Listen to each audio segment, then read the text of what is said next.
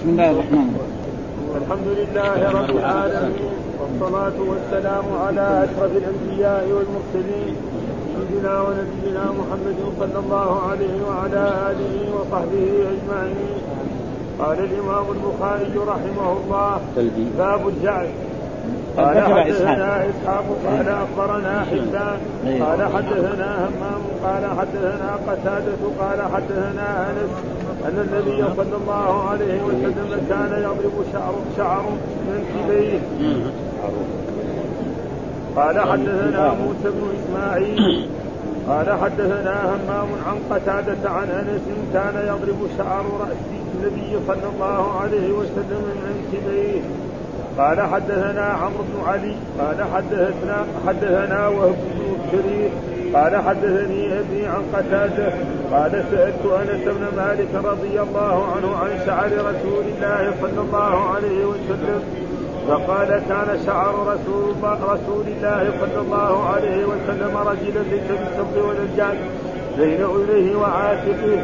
قال حدثنا مسلم قال حدثنا جرير عن قتادة عن أنس قال كان النبي صلى الله عليه وسلم ضخم اليدين لم أرى بعده مثله وكان شعر النبي صلى الله عليه وسلم رجلا لا جعدا ولا سبقا قال حدثنا أبو النعمان قال حدثنا جرير بن حازم عن قتادة عن أنس رضي الله عنه قال كان النبي صلى الله عليه وسلم ضخم اليدين والقدمين حسن الوجه لم أرى بعده ولا قبله مثله وكان بسط الكفين. قال حدثني عمرو بن علي قال حدثنا معاذ بن هاني قال حدثنا همام قال حدثنا قتادة عن أنس بن مالك عن رجل عن أبي هريرة قال كان النبي صلى الله عليه وسلم ضخم القدمين حسن الوجه لم ارى بعده مهله وقال هشام عن معمر عن قتادة عن أنس كان النبي صلى الله عليه وسلم شهر القدمين والكفين وقال أبو هلال قال حدثنا قتادة عن أنس وجابر بن عبد الله كان النبي صلى الله عليه وسلم ضخم الكفين والقدمين هذا كله قرأناه لم أرى بعده شبها له. قال حدثنا محمد بن مهنا قال حدثنا ابي عدي عن ابن عوف. عن مجاهد قال كنا كنا عند قال كنا عند ابن عباس رضي الله عنهما فذكروا الدجال فقال إنه مكتوب بين عينيه كافر. وقال ابن عباس لم أسمع. قال ذاك ولكنه قال أما إبراهيم انظروا إلى صاحبكم وأما موسى فرجل آدم جعد على جبل أحمر مخصوص بخلبه كأني أنظر إليه اذا انحدر في الوادي يلبي إلا بعد قرانا باب التدليس إيه. قال حدثنا أبو جمال قال أخبرنا شعيب عن الزهري قال اخبرني سالم بن عبد الله أن عبد الله بن عمر قال سمعت عمر رضي الله عنه يقول من ظفر فليحلق ولا تشبهوا بالتدليس وكان ابن عمر يقول لقد رأيت رسول الله صلى الله عليه وسلم ملبدا قال حدثني حبان بن موسى وأحمد بن محمد قال أخبرنا عبد الله قال أخبرنا يونس عن الزهري عن سالم عن ابن عمر رضي الله عنهما قال سمعت رسول الله صلى الله عليه وسلم يهيب ملبدا يقول لبيك اللهم لبيك لا شريك لك لبيك إن الحمد والنعمة لك والملك لا شريك لك لا يزيد على هؤلاء الكلمات. قال حدثني إسماعيل قال حدثني مالك عن نافع عن عبد الله بن عمر عن حفصة رضي الله عنها زوج النبي صلى زوج النبي صلى الله زوج النبي صلى الله عليه وسلم. قالت قلت يا رسول الله ما شأن الناس حلوا بعمرة ولم تحل أنت بعمرتي. قال إني لبت رأسي وقلدت هدي فلا أحل حتى أنحر. طيب أعوذ بالله من الشيطان الرجيم. بسم الله الرحمن الرحيم. الحمد لله رب العالمين. وصلى الله وسلم على نبينا محمد وعلى آله وصحبه وسلم أجمعين. قال الإمام البخاري نحن نقرأ باب الجعد. والجعد قلنا أن يكون الشعر ليس بالصبح يعني لين مرة وله بالخشن جدا. وكان شعر رسول الله صلى الله عليه وسلم هكذا وهذه من صفاته الخلقية التي خلقه الله عليها وجبله. ولذلك تجد بعض الناس شعرهم جعل وبعضهم صم فهو كان بين بين هذا وبين هذا. يقول حدثنا إسحاق أخبرنا حبان حدثنا همام حدثنا حدثنا أنس أن كان يضرب شعره يعني الشعر حقه يصل إلى منكبه والمنكبين هكذا. نعم وفي مرات إلى أذنه. كيف الجمع بين ذلك؟ بين ذلك الرسول عندما يكون مشغولا ويتشاغل عن شعره اياما طويلة يصل إلى هنا. وعندما يكون مثلا في البلد وهو جالس المدينة ما هو لا في حج ولا في عمرة ولا في جهاد فيكون شعره إلى اذنه وهذا شيء معروف.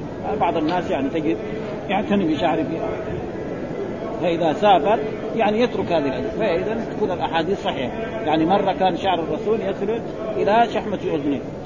وترى إذا غفل عنه مدة أيام ما سرحه ولا يصل إلى هكذا. ويكون هذا ما في تناقض ولا في اختلاف بين الأحاديث. ثم ذكر حدثنا موسى بن إسماعيل حدثنا همام عن قتادة عن أنس كان يضرب شعر رسول النبي صلى الله عليه وسلم منكبيه وهذا فيه دليل على أنه يجوز للمسلم أن يربي شعره. فإذا ربى شعره لازم إيه؟ يكرمه فيسرحه وينظفه.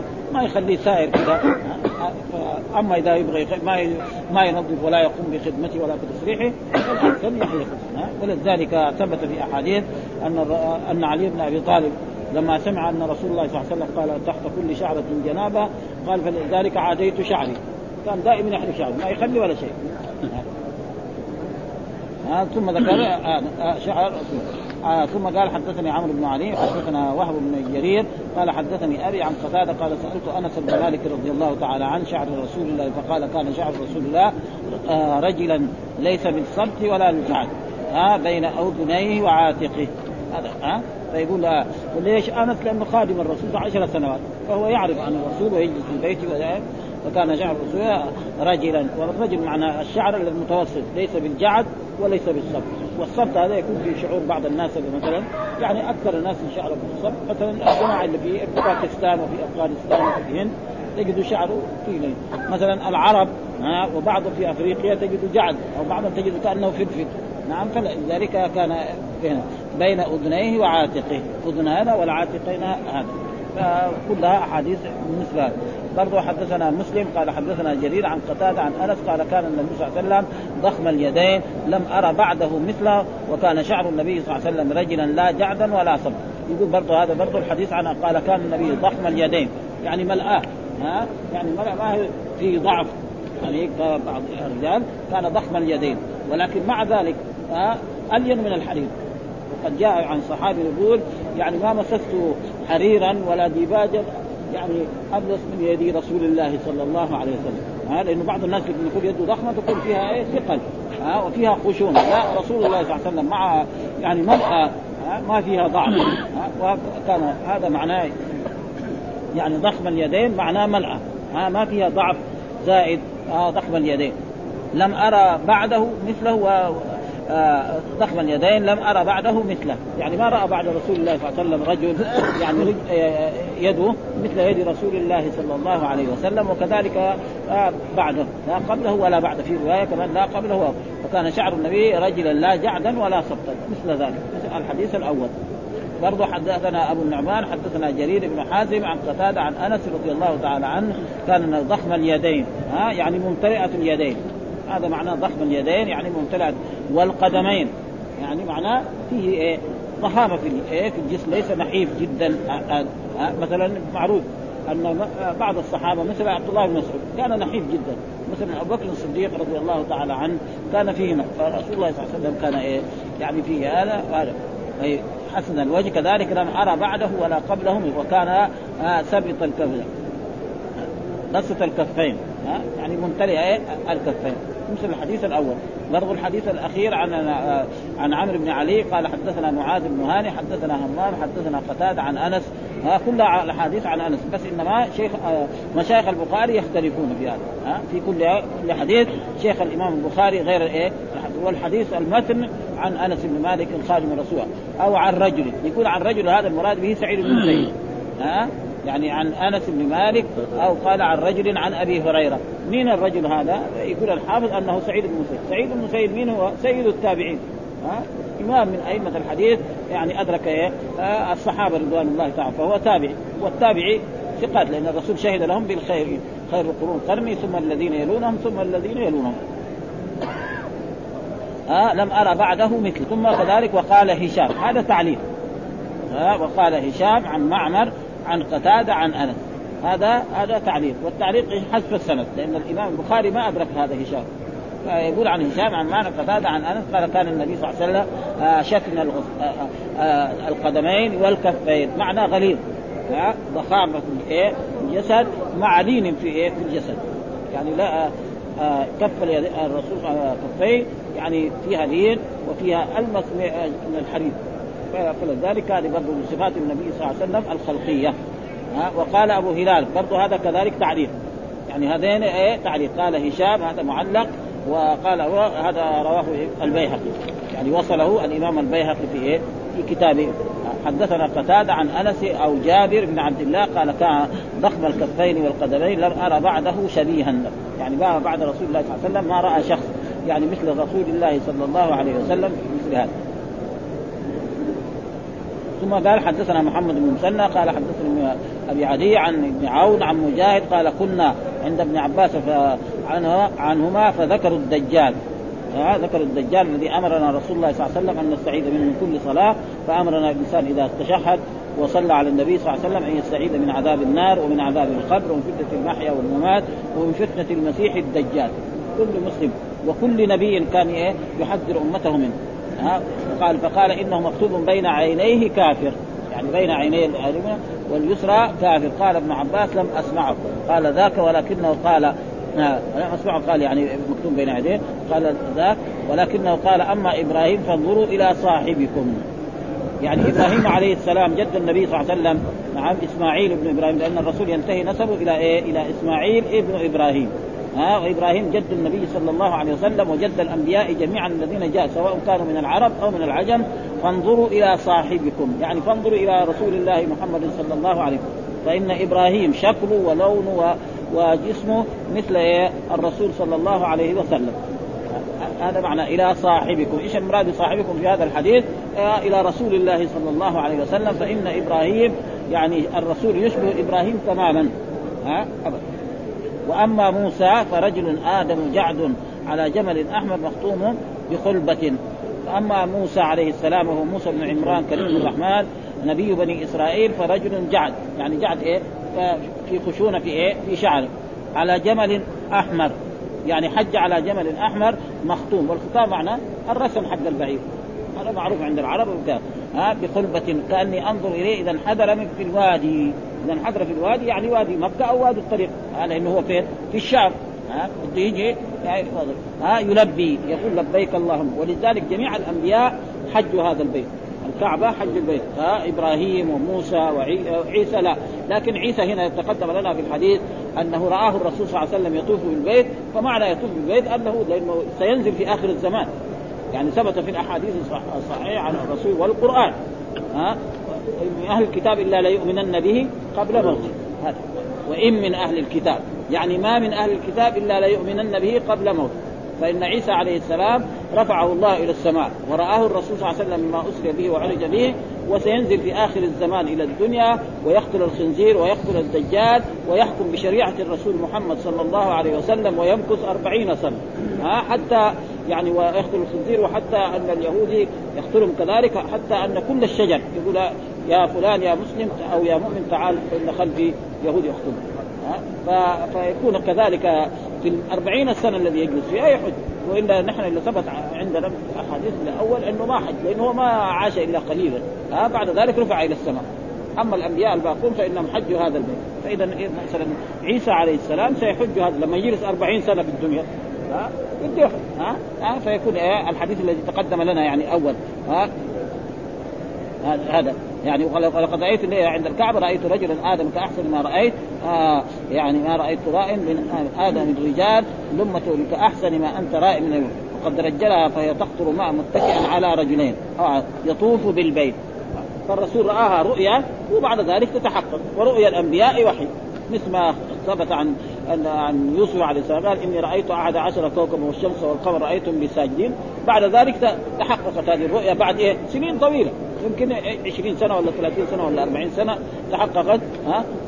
يعني فخروا له سجا فقال يا ابت هذا تأويل رؤياي من قبل وقد جعلها ربي حقا وقد أحسن بي إذ أخرجني من السجن وجاء بكم من الوجه من بعد أن نزغ الشيطان بيني وبين إخوتي. إن ربي لطيف بما يشاء. ها؟ إن رب انه إنه عليم حكيم. ولا إن ربي في في ربي ولا ما في ربي؟ ها؟ ربي لطيف إنه إنه ما في ربي يعني. فهذا شيء القدر فهذا أما فانظروا إلى صع... وأما موسى فرجل آدم معنى آدم معنى أسمر اللون إيش معنى الآدم؟ الأسمر اللون ليس يعني بالأبيض جدا ولا بالأسود جدا فيكون أسمر اللون وهذا يعني يعني شكل إيه العرب وشكل بعض الأخطار اللي مثلا مين اللي يجيب أبيض؟ الا في أوروبا أكثر أو يكون اختلط. اختلط.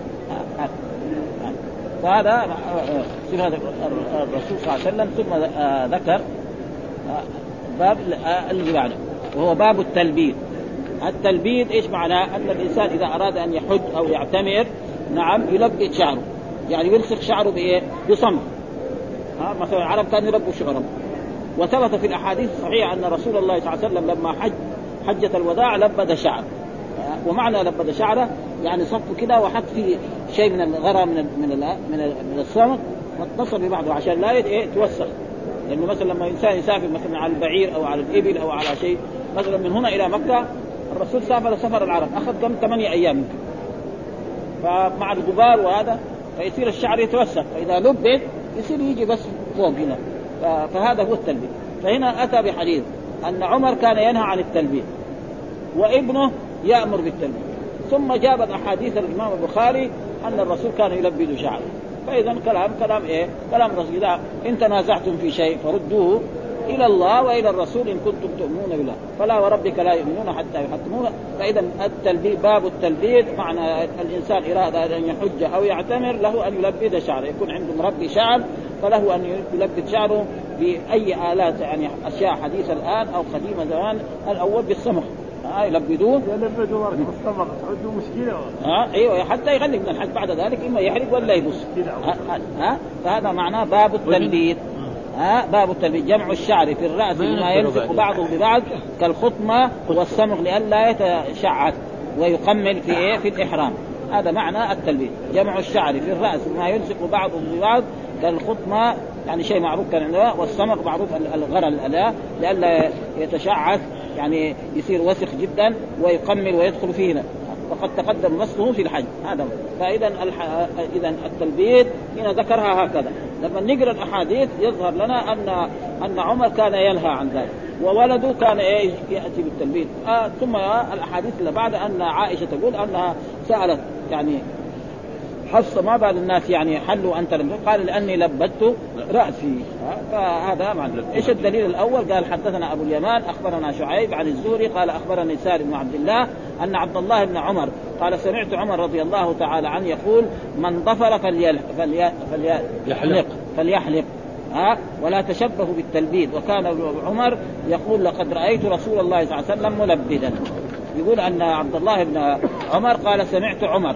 وجده ها عمر جده يقول من ظفر فليحلق. يعني من ظفر شعره كذا من أراد الحج ظفروا سواء ضفائر اثنين من هنا واثنين من هنا أو ثلاثة من هنا هذا إيه؟ فليحلق. طيب يحلق متى؟ الأصح إنه يحلق بعد الحج بعد ما ينتهي من العمرة. لكن بعض الشراح قالوا إيه؟ يحلق زي ما بيساووا بعض الناس. إحنا نشوف دحين بعض الحجاج خصوصا الحنفية. إذا أراد يحرم بالعمرة أو بالحج يحلق رأسه مرة ولا يخلي ولا شيء ثم يحرم. ها؟ يعني يعني حصلوا يعني فيها. ويمكن في كتب الفقه عندهم هكذا. والصحيح لا. ها؟ ما دام هو يريد الحج والعمره يترك شعبه ها؟ وبعد ما ينتهي من من الحج أو من العمرة إما يخص الشعر وإما يعني يظفرها لا يظفر الشعر. هذا من ظفر. وفي رواية يعني من ظفر بدون تشديد. ومن ظفر. كله جائز. يعني نفس الحديث هذا من ظفر إيش الظفر؟ معناه يعني يصلحه كده ويجعل له ضفائر الضفره الأولى الثانية أو الثالثة يجعل له ثلاثة يجوز؟ إيه إيه نعم للرجال جائز. فليحلق ها يعني فليحلق في الحج. ولا تشبهوا بالتلبيد ولا تتشبهوا بإيه؟ بالتلبيد بأن تلبدوا هذا كلام إيه؟ كلام عمر بن الخطاب. يعني اجتهادا منه. لأنه هو رأى الرسول لما لبد جاء و- وكان ابن عمر يقول لقد رأيت رسول الله صلى الله عليه وسلم ملبدا. ها؟ يعني أنا ما أتبع والدي في هذا. أتبع مين؟ رسول الله صلى الله عليه وسلم؟ وهذا كثير من ابن عبد الله بن عمر. لأن عبد الله بن عمر معروف مر علينا في الحج أن عمر في خلافته كان يأمر الناس في من و... من أول محرم يحرم كل الناس في مكة. إذا دخل واحد من ذي الحجة أهل مكة كلهم يقول لهم أحرم. فتصير مكة كأنها خلية إيه؟ يعني نحل كلهم يقولوا لبيك. الحجاج اللي جاءوا يقولوا لبيك. وهو كان يرى انه إيه؟ أن أفضل الأنساك الإفراد. يعني عمر بن الخطاب وأبو بكر وعثمان وبعض الصحابة يروا إفراد أفضل.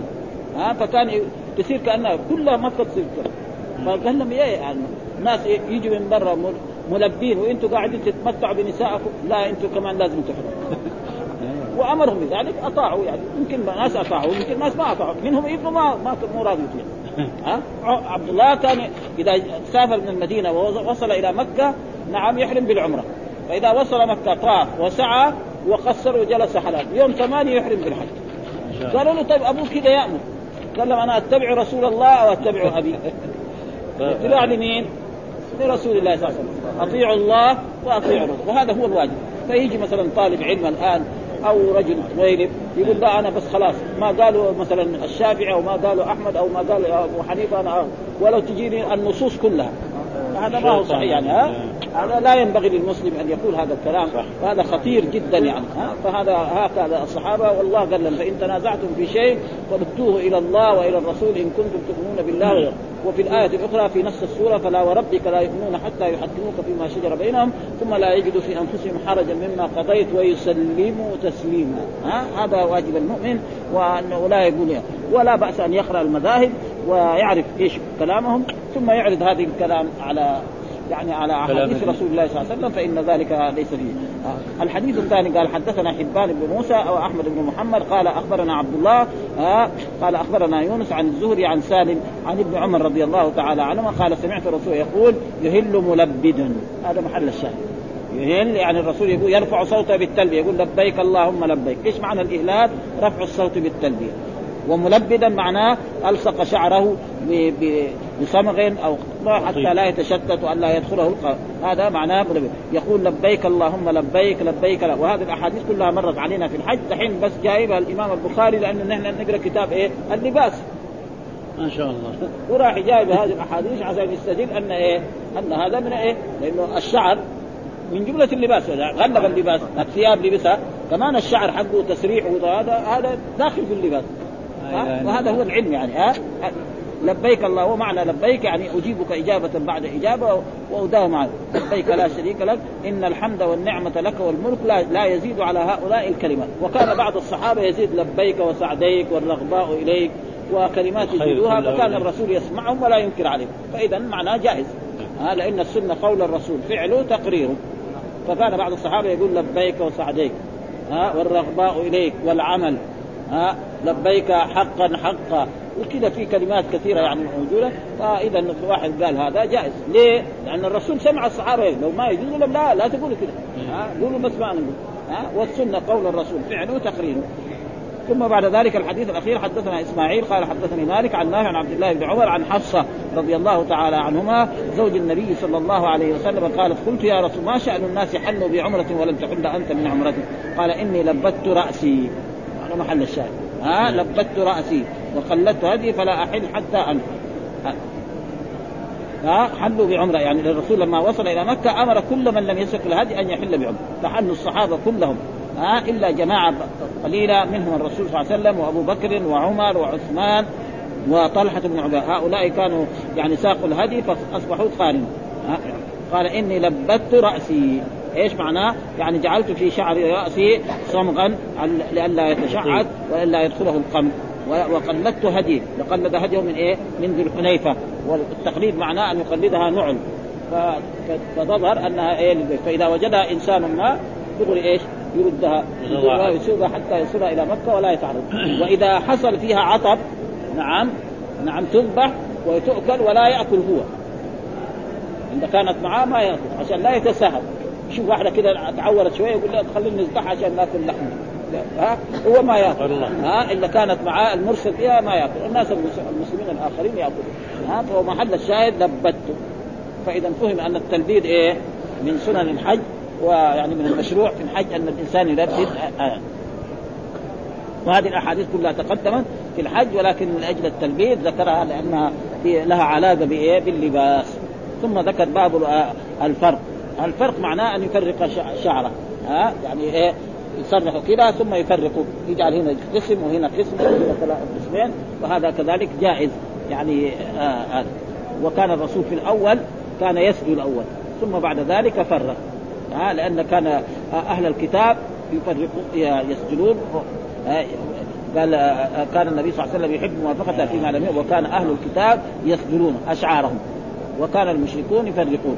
فكان هو إيه؟ كان في الأول يسجد شعره ثم بعد ذلك ترك. لأنه كان الرسول صلى الله عليه وسلم لما هاجر إلى هذه المدينة أي فعل يفعله اليهود والنصارى هو يحب إيه؟ أن يوافقهم لعل هذا يكون سبب في اسلامهم مثلا الرسول لما هاجر إلى هذه المدينة نهى أصحابه عن صيام يوم السبت ويوم الأحد. عشان يوم الجمعة عيد المسلمين. يوم السبت عيد لليهود. يوم الأحد عيد للنصارى. قال لهم لا تصوم فصاروا ما يصوم ها؟ واستمر ذلك. ووجد كذلك اليهود يصومون يوم عاشوراء وهو كذلك أمر بصيام يوم عاشوراء. فصار عاشوراء لا. وإذا به اليهود كل ما لم يزدادوا عداوة للاسلام وعدم قبول لهذا فبعد ذلك الرسول خالفهم وأمر بصيام يوم السبت ويوم الأحد.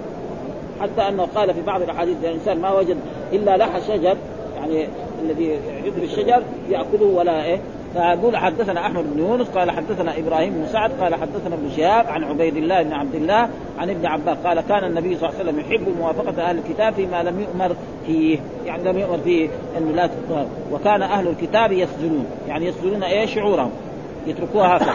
وكان المشركون يفرقون. ها يفرقون يجعلوها في ها رؤوسهم. فسدل النبي صلى الله عليه وسلم ناصيته. الناصيه معناه ما ينزل من شعره ثم فرق بعده. ثم بعد ذلك فإذا أصبح ولأجل ذلك اختلف العلماء أيهما أفضل. آه يعني حقق الحافظ أنه يجوز. السدل جائز والتفريق جائز. آه فالإنسان إذا كان له شعر له أن يفرق وله أن إيه؟ يسجن. فما في اي اي, أي شيء. آه وهنا يقول فرق يعني عشان يكون إيه؟ في مخالفة لإيه؟ يعني لأهل الكتاب لأنه ما وجد فيهم إلا العداوة. مثل ما قال الله تعالى آه يعني لتجدن أشد الناس عداوة للذين آمنوا اليهود والذين أشركوا ولتجدن أقربهم وكان السكان الذي في المدينة كانوا أكثرهم يهود حتى أجلاهم الرسول صلى الله عليه وسلم ثم أخيرا أجلاهم عمر بن الخطاب رضي الله تعالى عنه.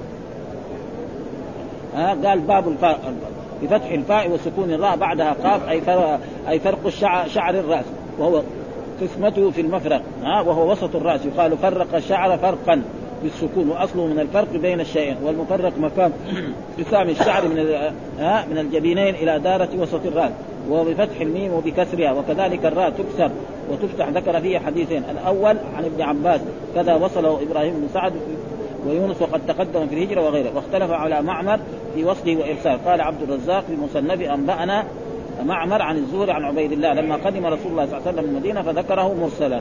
ها عبيد الله لأنه ما أدرك. ها تابعي هذا. كان يحب موافقة الكتاب فيما لم يؤمن. وفي رواية كان إذا شك في أمر لم يؤمن فيه بشيء صنع ما يصنع أهل الكتاب لأنه كانوا أهل الكتاب على وكان أهل الكتاب يصدرون شعورا بسكون السين وكسر الدال المهملة أي يرسلونها وكان المشركون يفرقون وبسكون الفاء وضم الراء وقد شددها بعضهم حكاه عياض والتخفيف أشهر. وكذا قوله ها فرق ها في الأشهر في آه فرق فرق يعني مو والاشهر فيه التقوى كان السر في ذلك أن أهل الأوثان ابعد عن الايمان من أهل الكتاب لأن أهل الكتاب يتمسكون بشريعة في الجملة فكان يحب موافقتهم ليتألفهم. ولو أدت موافقتهم إلى مخالفة أهل الأوثان فلما أسلم أهل الأوثان الذين معه والذين حوله واستمر أهل الكتاب. فإن أهل الأوثان العرب اللي كانوا حول المدينة كلهم كانوا كفار. هذول أسلموا. واليهود اللي جنبه في بلد واحد ما يسلموا. فصار إيه؟ وافق الرسول إيه؟ أهل الكتاب وترك هؤلاء إيه آه ثم فرق بعده وفي رواية آه فلما لم ينجع آه ينجع فيه أحب مخالفتهم فكانت إيه؟ مستحبة لا واجب. وقال الراوي فيما لم يؤمر فيه بشيء أي لم يطلب منه والطلب يشمل الوجوب والند واما توهم النص في هذا فليس بشيء إن كان الجمع. بل يحتمل ان لا يكون الموافقه والمخالفه حكما شرعيا إلا من جهة المصلحة. ولو كان الصدر منسوخا لصار إليه الصحابة أو أكثرهم. والمنقول عنه أن منهم من كان يفرق ومنهم من كان يسجد ولم يعب بعضهم على بعض. وقد صح أنه كانت له صلى الله عليه وسلم لمة ها فإن تفرقت ها فإن فرقت فرقا وإلا تركا والصحيح أن الفرق مستحب لا واجب وهو قول مالك والجمهور قلت وقد جزم البخاري بأن السد نسخ بالفرق واستدل برواية معمر التي أشرت إليها قبل وهو ظاهر. قال والصحيح جواز السدل والفرق. والصحيح إنه إيه يجوز للإنسان أن وقد إيه هنا يقول الحافظ آه فلما أسلم المشركون انحصرت المخالفة في أهل الكتاب فامر به وقد جمعت المسائل التي وردت فيها الأحاديث فيها بمخالفة أهل الكتاب فزادت على ثلاثين حكما. وقد أودعتها كتابي الذي سميته القول السبت في صوم يوم السبت. ويؤخذ من قول ابن عباس الحديث كان يحب موافقة أهل الكتاب وقوله ثم فرق أو فرق بعد نسخ حكم تلك الموافقة. ويؤخذ منه أن شرع من قبلنا شرع لنا ما لم يرد ناسخ. الحديث الثاني حديث عائشة. وحديث عائشة كذلك يعني معروف وهو حدثنا أبو الوليد عبد الله بن رجاء قال حدثنا شعبة عن الحكم بن إبراهيم عن الأسود عن عائشة قالت كأني أنظر إلى وبيص الطيب في مفارق النبي صلى الله عليه وسلم وهو محرم قال عبد الله في مفرق النبي صلى الله عليه وسلم. الحديث الثاني حديث عائشة عن هؤلاء الأئمة معناه قالت كأني ها يعني أنظر إلى وبيص يعني الرسول لما أحرم بالعمرة والحج في حجة الوداع في عام عشرة من هجرته صلى الله عليه وسلم إلى وبيس الوبيس معناه اللمعان. ها؟ وبيس يعني لما واحد يجعل المسك على رأسه ويمشي رأسه مكشوف في الشمس يصير له كذا لمعان. هذا معناه ها؟ وبيس الطيب في مفارق النبي صلى الله عليه وسلم. فإذا الرسول إيه؟ فرق شعره وهو إيه؟ التلبيد لأن التلبيد يصير كأنه مفرق. ها؟ لأن التلبيد يكون من هنا ومن هنا. ها؟ وقال عبد الله في مفرق النبي صلى الله عليه وسلم. فإذا جائز والصدر جائز هذا هو وبعضهم يرى أن الصدر خلاص ممنوع لأن الرسول دائما يؤخذ من آه يعني بآخر العملين من رسول الله. صلى الله عليه فإذا فعل الرسول شيء في الأول ثم ترك وعمل الثاني فيؤخذ بآخر الأمر. والرسول في آخر الأمرين كان إيه؟ يفرق شعره. هكذا بعضهم وبعضهم يقول لا لأن هناك بعض من الصحابة كان يفرق شعره وهناك من أصحاب النبي صلى الله عليه وسلم من كان يسلم فاذا الكل جائز. آه فالذي اراد والذي أراد يحلق رأسه. كل ما كسر شوية يحلق مثل علي بن أبي طالب فإنه قال عن الرجل لما سمع الرسول يقول تحت كل شعرة جنابة ومن ذلك عاديت راسه ما خلي إذا طاب دغري يحلقه عشان لا إيه؟ يروح يصلي بإيه؟ بجنابه آه ثم ذكر باب الذوائب، الذوائب معناه كذلك أن يربي الشعر ويطهر ويجعله يعني يضفره آه هنا واحدة وهنا واحدة أو اثنين أو ثلاثة. يعني فهذا جائز حتى للرجال. ها؟ أو للصغار هذا لأنه الحديث اللي جابه كان إيه؟ لعبد الله بن عباس رضي الله تعالى عنه. وكان عبد الله بن عباس لما توفي الرسول وعمره 13 سنة. فهذا كان إيه؟ قبل وفاة الرسول فيكون عمره يمكن عشر سنوات أو ثمانية أو تسعة. فباب الذوائب إذا باب الذوائب جمع ذؤابة والأصل ذائب وأبدلت الهمزة واوا والذؤابة ما يتدلى من شعر الرأس. إيش الذؤابة ما يتدلى من شعر الرأس؟ الذي يتدلى من شعر الرأس سواء إلى الأذنين إلى شحمة الأذنين أو إلى المنكبين يسمى ذؤاب. إيش الدليل؟ قال جائز. قال حد علي حدثنا علي بن عبد الله قال حدثنا الفضل بن عنبسة قال أخبرنا هشيم أخبرنا أبو بشر حول الإسناد وقال حدثنا قتيبة حدثنا هشيم عن أبي بشر عن سعيد بن جبير عن ابن عباس رضي الله تعالى عنهما قال بت ليلة عند ميمونة بنت الحارث خالتي. وكان رسول الله عندها في ليلتها. قال فقام رسول الله صلى الله عليه وسلم يصلي من الليل فقمت عن يساري. قال فأخذ بذؤابتي عندما جاء شاف الرسول صلى جاء وقف على يسار الرسول أخذ بذؤابه الشعر حق الله وجره على اليمين والحديث هذا تقدم غير ما مر. نعم. ها يعني غير ما مر مما تقدم لنا أن أن أن عبد الله بن عباس مع صغر سنه يريد أن يبات في بيت خالته عشان يشوف الرسول إيش كيف يصلي. وذاك الوقت عمره يمكن ثمانية سنوات أو عشر سنوات. معناه هذا يحب إيه؟ وإن الناس الصغار دول ما يا الله إن كان قدرنا يخليه يصلي المفروضات بس. أولاد. ها؟ ها؟ ها؟ مشاكل اللي عنده أولاد في هذا الزمن الله يعينه بس. ها؟ ها؟ هذا هذا دحين صغير هو يعني ابدا. لما توفي الرسول عمره 13 سنة. معناه فهو يسأل. فهو بات لشيء. اولا من الأشياء التي عملها أنه بات والرسول ما زحم. لما جاء الرسول إلى بيت ميمونة قال هذا شيخ قريش. ها؟ وجاء يقول فنام هو وأهله يعني في عرض الوسادة وهو نام في طرف الوسادة ثم بعد ذلك قام الرسول بعد ما نام بعد الليل إلى شنة. والشنة معنى الغربة القديمة فتوضأ وضوءا ثم جاء وصلى. وقرأ الآيات. إن في خلق السماوات والأرض واختلاف الليل والنهار لآيات للألباب الذين يذكرون الله قياما وقعودا وعلى جنوبهم. يعني هو يمكن حافظها من ذاك الوقت. ها قرأها ثم حال ما قام من النوم. ها ثم يمكن قال ها الحمد لله الذي أحيانا بعد ما ماتنا ما ذكر لنا هذا. ثم بعد ذلك قرأ هذه الآيات التي في آخر سورة آل عمران ثم قام إلى شن معلقة فتوضأ وضوءا ثم ابتدأ يصلي الرسول. وهو كذلك قام وتوضا نعم وجاء ووقف عن يسار رسول الله فأخذه الرسول كذا من هذا ورده إلى إيه اليمين. ها؟ وهذا إيه؟ ممازحة. في رواية إنه مسك اذنيه وهذا إيه؟ يعني إيه؟ مداعب هذا. يعني تدليل هذا زي ما يقول. ها؟ يعني مسك أذنيه وجروا من أذنيه وجابوا إلى الجهة اليمنى.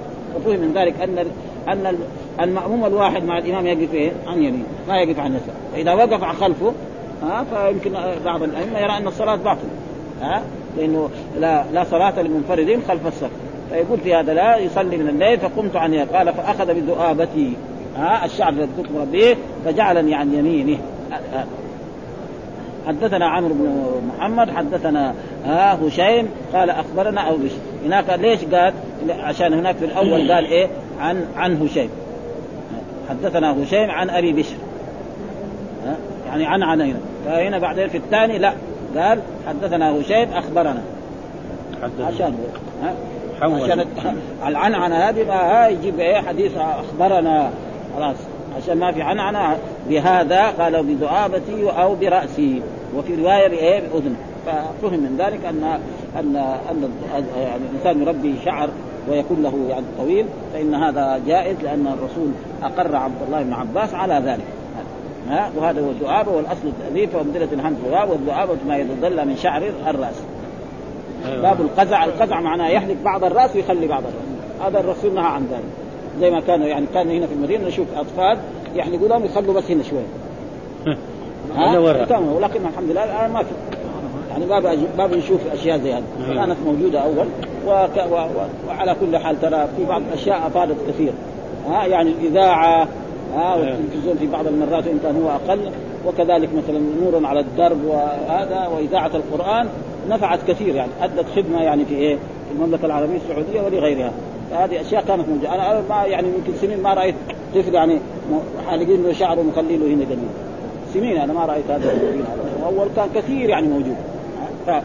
وهذا الرسول نهى عن القزع وأن يحلق بعض الشعر ويترك بعض الشعر فقال إيش الدليل؟ قال حدثنا محمد سلام قال أخبرني مخلد قال أخبرني ابن جريج قال أخبرني عبيد الله بن حفص أن عمرو بن نافع أخبره عن نافع مولى عبد الله أنه سمع ابن عمر رضي الله يقول سمعته يقول ينهى عن القزع.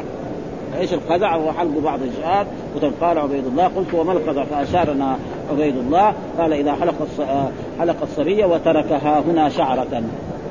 يعني زي ما ها؟ وتركها هنا شعرة أو شعرا.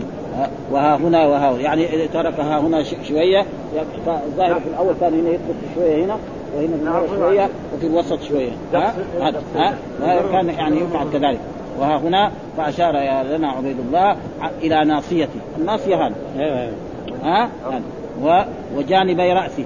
من هنا ومن هنا. ها؟ فقيل لعبد الله فالجارية والغلام? قال لا أدري.